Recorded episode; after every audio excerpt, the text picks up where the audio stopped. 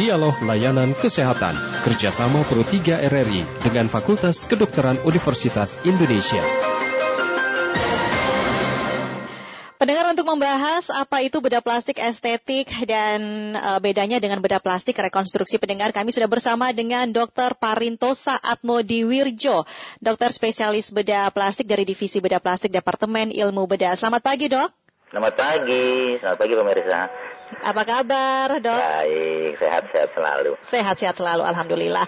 Dok, ini kita mau uh, mengenal di bedah plastik estetik. Kalau bedah plastik estetik ini pernah dibahas sebelumnya ya, Dok. Uh, dan dengan bedah plastik rekonstruksi, mungkin bisa disampaikan kembali ini uh, apa itu bedah plastik estetik, apa itu bedah plastik rekonstruksi, Dok. Silahkan.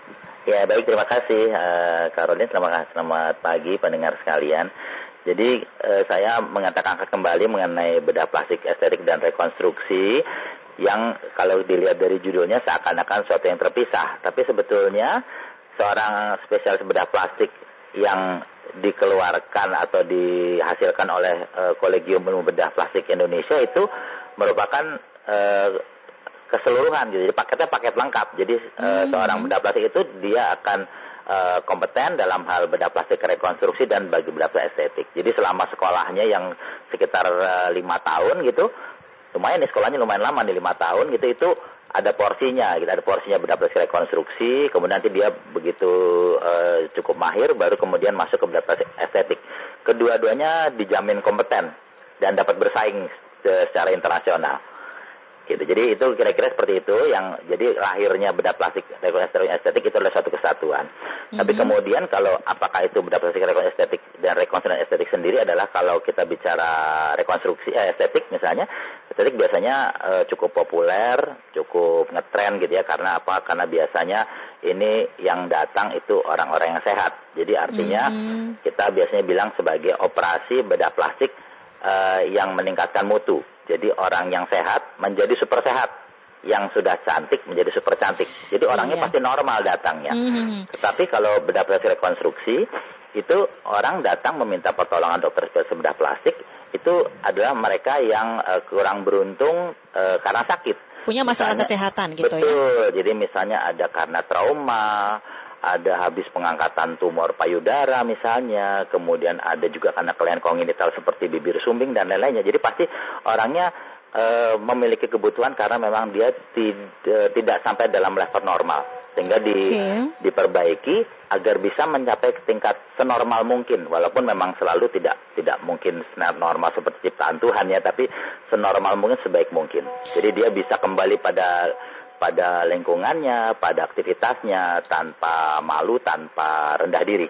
Gitu. Jadi mungkin uh, perbedaan keduanya ini ada pada kondisi dan kebutuhan pasien saja seperti itu ya dok ya? Betul betul. Oke, lalu ini untuk uh, kalau yang uh, biasanya itu memang ya identiknya kalau bedah plastik estetik itu dengan kecantikan seperti itu ya dok ya? Iya. Hmm, ini kalau bilang estetik pasti dengan kecantikan, dengan uh, perawatan wajah seperti itu seperti yang anda sampaikan tadi. Kalau di Indonesia ini kebanyakan uh, ke kondisi dan kebutuhan masyarakat ini lebih ke estetik atau ke rekonstruksi nih dok? Wah ini ini pertanyaannya bagus sekali nih. Jadi kalau dulu ketika uh, saya sekolah itu kira-kira berapa ya 15 tahun yang lalu gitu ya kira-kira yeah. itu uh, orang yang uh, melakukan operasi estetik itu bersembunyi, ngumpet-ngumpet. Oh. Oh, oh jadi ngumpet-ngumpet. jadi kliniknya ada di di satu uh, villa di ujung mana gitu ya. Dulu pernah terkenal orang dari dari ada tetangga sebelah itu menjadi konsultan itu itu di suatu tempat di ujung di ujung di ujung Jakarta gitu ya. Mm -hmm. Kemudian ada lagi pokoknya mereka kadang-kadang tidak boleh ketemu satu dengan lainnya karena memang sangat privacy. Hmm. Nah, tetapi kemudian uh, semuanya berkembang, apalagi kemudian uh, di Korea cukup booming gitu yeah. ya. Itu kemudian uh, orang-orang Indonesia uh, mulai, mulai terbuka untuk begitu ya. Betul. Jadi -hmm. sampai sampai sekarang kalau kita lihat di di apa media sosial sangat banyak sekali mereka yang berani bilang bahwa saya operasi estetik uh, karena ingin me meningkatkan kualitas gitu. Jadi dulu memang seperti itu, tetapi kalau kondisi sekarang kondisi sudah berubah. Jadi makin kelihatan uh, fenomena gunung esnya yang dulu tidak kelihatan sekarang mulai muncul. Mm-hmm. Nah, berapa banyak yang membutuhkan itu? Kalau pandangan saya uh, hampir sama, kira hampir sama. Cuma memang pasien pasien uh, rekonstruksi uh, jauh lebih banyak. Jadi memang uh, apa pasien rekonstruksi lebih banyak tersebar, biasanya juga ditanggung oleh uh, apa uh, asuransi pemerintah. Kalau estetik kan tentu saja tidak ya. Sehingga memang jumlahnya kelihatan uh, kelihatannya sih menurut saya lebih banyak rekonstruksi daripada estetik. Tetapi jumlah estetiknya sekarang sekarang makin banyak dan pelak uh, pe, pelak bukan pelaku ya.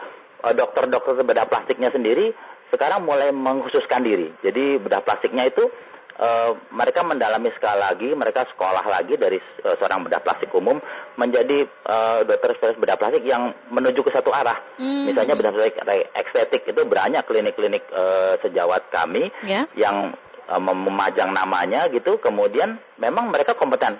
Mereka lulus sebagai bedah plastik yang lengkap, tapi kemudian menambah kembali keilmuan bedah plastik uh, estetiknya.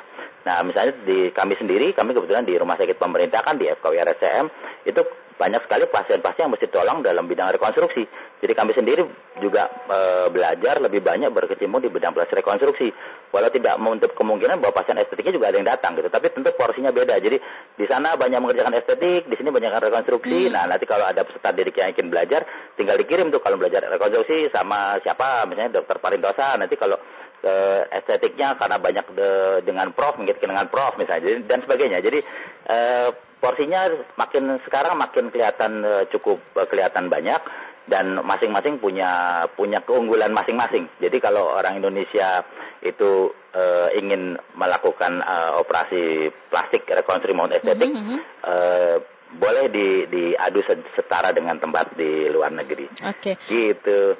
Oke, jadi memang karena pasarnya juga semakin luas gitu ya. Uh, ini juga berpengaruh sekali pada profesi dokter bedah plastik ya dok ya. Ini yang iya.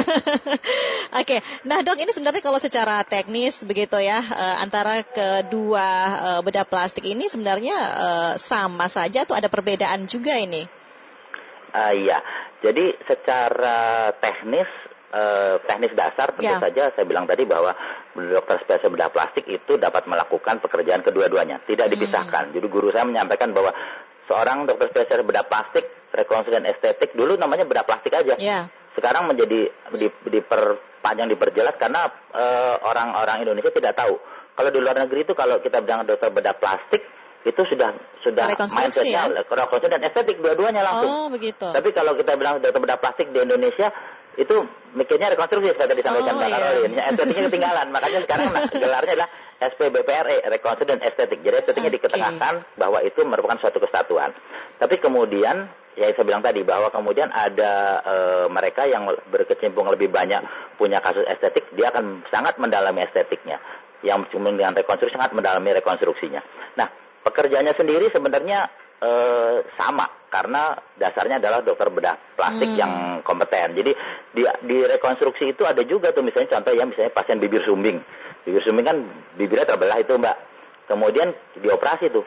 Nggak bisa dioperasi sembarangan asal nutup aja. Di bedah plastik itu ada artnya. Jadi art estetiknya muncul di sana. Okay. Jadi harus di, harus didapatkan hasil bekas luka yang sangat halus, hmm. simetris, tidak kelihatan, tersamar itu sudah sudah harus sudah harus ada. Jadi kelihatan kalau di kerjaan dokter bedah plastik itu harus harus harus masuk di sana. Baik. Nah, dok ini ada pendengar juga yang bergabung. Uh, ada Pak Udin di Boyolali ini dok. Uh, Pak Udin, halo. Oh, halo, selamat pagi. Assalamualaikum warahmatullahi wabarakatuh. Waalaikumsalam Pak Udin. Kita dengan uh, Dokter Parintosa nih pagi ini. Wah, uh, Ibu Karolin, uh, Bapak Dokter, uh, Dokter spesialis yeah. bedah. Semangat. Apa hukum uh, bedah plastik uh, menurut ajaran-ajaran Islam? Demikian terima kasih. Assalamualaikum warahmatullahi wabarakatuh. Iya Pak Udin ya. Ini uh, seperti eh, iya Pak Udin uh, ini kita uh, bahasannya ya ini kalau dikaitkan uh, dengan profesi dokter ya sepertinya agak sulit gitu untuk dijawab gitu ya Pak, Pak Dok ya Iya iya memang memang sulit sulit di, dijawab Pak ya. Udin tetapi uh, kalau kita sampaikan bahwa uh, uh, semua semua dokter punya pandangan masing-masing dan uh, filosofi terhadap, sendiri terhadap aspek uh, agama dengan profesinya. Tapi yang pasti bahwa uh, kalau kita uh, menolong seseorang, menolong seorang uh, yang sederhana saja, misalnya seorang yang bibir sumbing, tentu saja kalau kita punya keilmuan yang cukup untuk menolong orang tersebut, maka itu merupakan suatu berkah karena kita bisa menolong mereka. Mm-hmm. Seperti kalau kita lihat orang yang uh, tidak berpunya di jalan, kalau kita punya uang lima ribu, kita kan nggak bisa membiarkan orang itu yeah.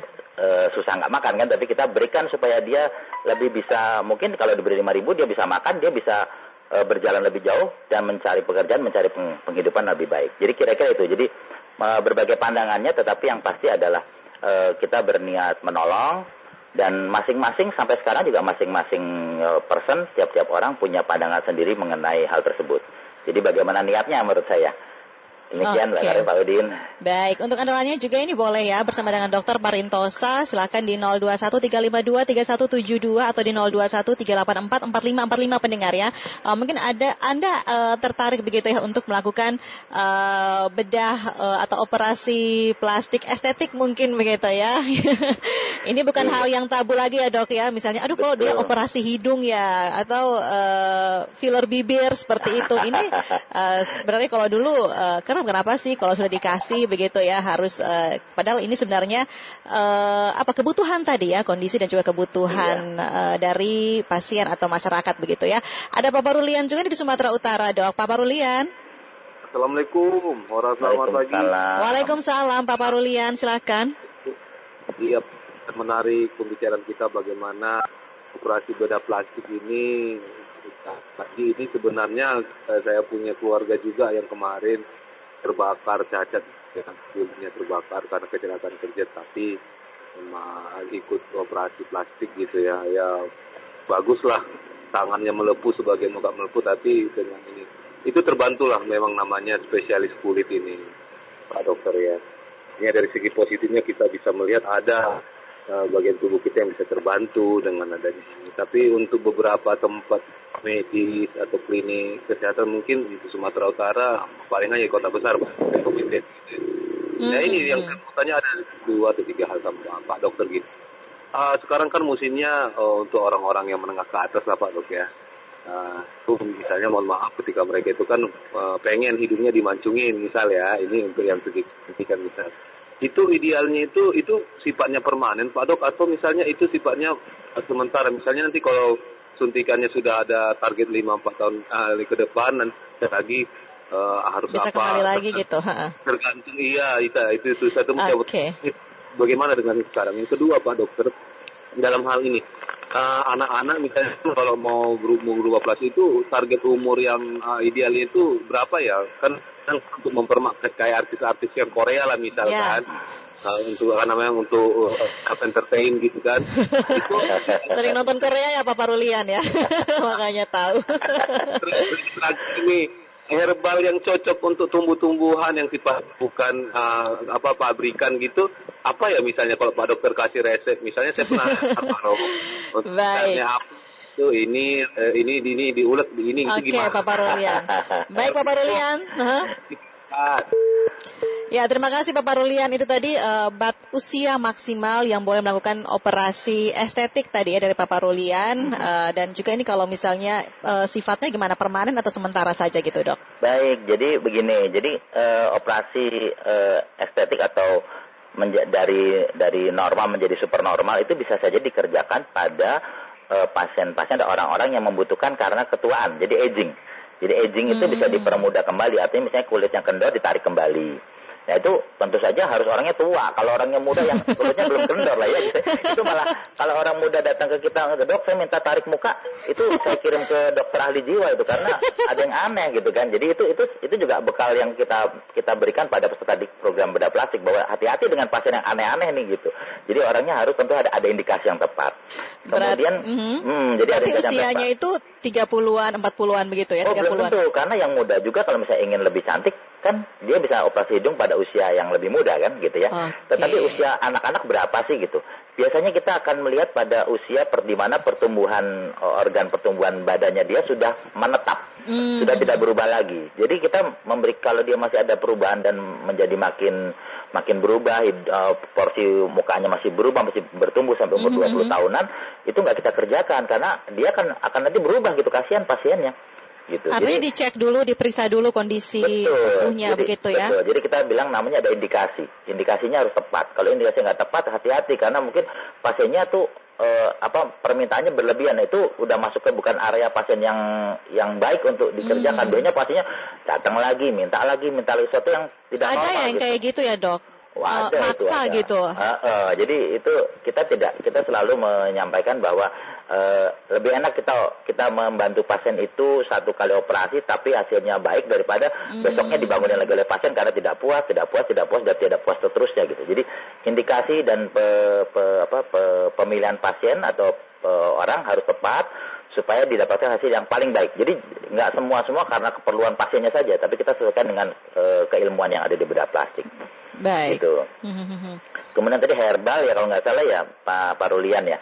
Jadi kalau herbal tentu saja eh, kami di di kedokteran itu menganut paham bahwa semua yang diberikan harus melalui uji klinis yang baik. Yeah. Uji klinis yang tepat. Jadi kalau kalau macam-macam kan dulu sekarang isunya vaksin segala itu harus uji kliniknya harus benar. Uji klinis fase 1 pada hewan, kemudian fase 2, fase 3 dan sebagainya. Sehingga kalau itu sudah ada, maka e, harus harus bisa diberikan. Jadi kalau herbalnya misalnya herbalnya itu satu sendok teh itu baik buat si A tapi tidak baik buat si B itu nggak bisa itu. Jadi kalau kita bilang panas, paracetamol 500 mg untuk menurunkan panas itu udah standar. Itu ada uji kliniknya.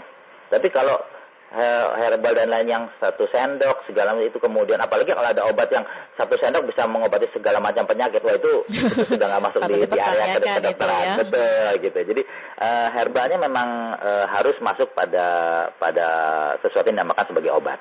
Demikian Baik, oke. Jadi ini uh, perlu kehati-hatian juga, perlu kewaspadaan juga. Ya. Tidak semua orang ini bisa dilakukan operasi bedah plastik uh, estetik begitu ya dok ya? Betul, betul. Oke. Nah dok ini mungkin uh, terakhir nih dok ya uh, pesannya ke masyarakat begitu yang uh, mungkin tertarik begitu uh, apa yang harus diperhatikan oleh uh, masyarakat ketika menginginkan operasi uh, estetik tadi uh, dan juga yang rekonstruksi nih dok. Oke, baik.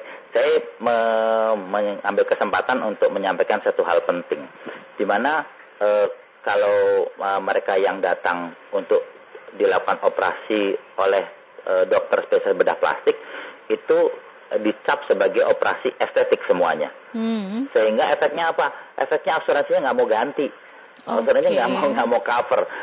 Uh, pasiennya dianggap uh, pasien yang yang mengada-ada karena mau pingin pinginnya cantik gitu.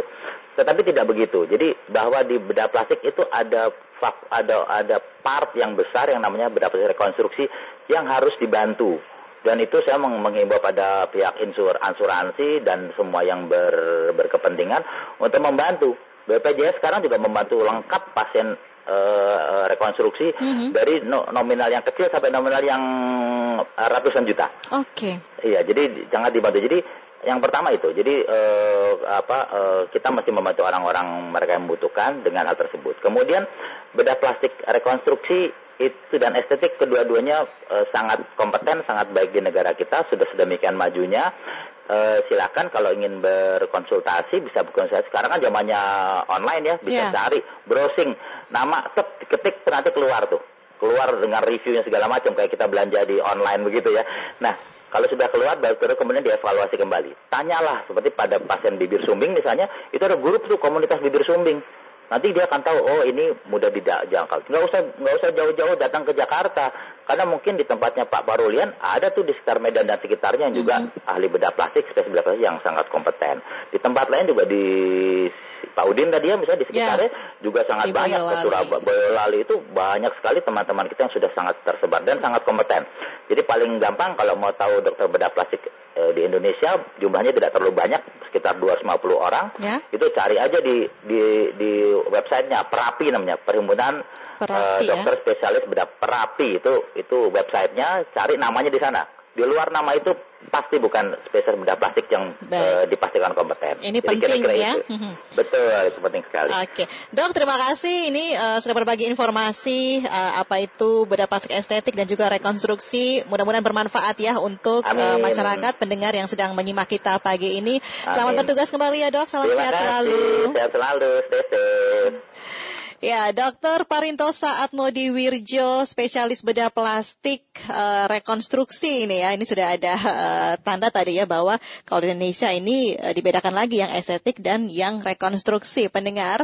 Jadi sebenarnya sama, tetapi ini yang membedakan adalah kondisi dan kebutuhan. Kalau estetik ini dengan kondisi normal, kondisi sehat ya, pasien ingin uh, meningkatkan lagi ya, menjadi lebih baik lagi, lebih cantik lagi, lebih indah lagi seperti itu ya. Sementara kalau untuk uh, bedah plastik rekonstruksi ini uh, lebih khusus untuk yang mengalami gangguan kesehatan ya misalnya yang tadi dari uh, Pak Parulian ya disampaikan bahwa uh, luka akibat uh, luka bakar seperti itu. Nah ini dilakukan bedah plastik sehingga uh, bekas luka bakarnya ini tidak begitu kelihatan atau mengalami uh, kanker payudara. Nah ini agar kondisi payudaranya lebih baik lagi.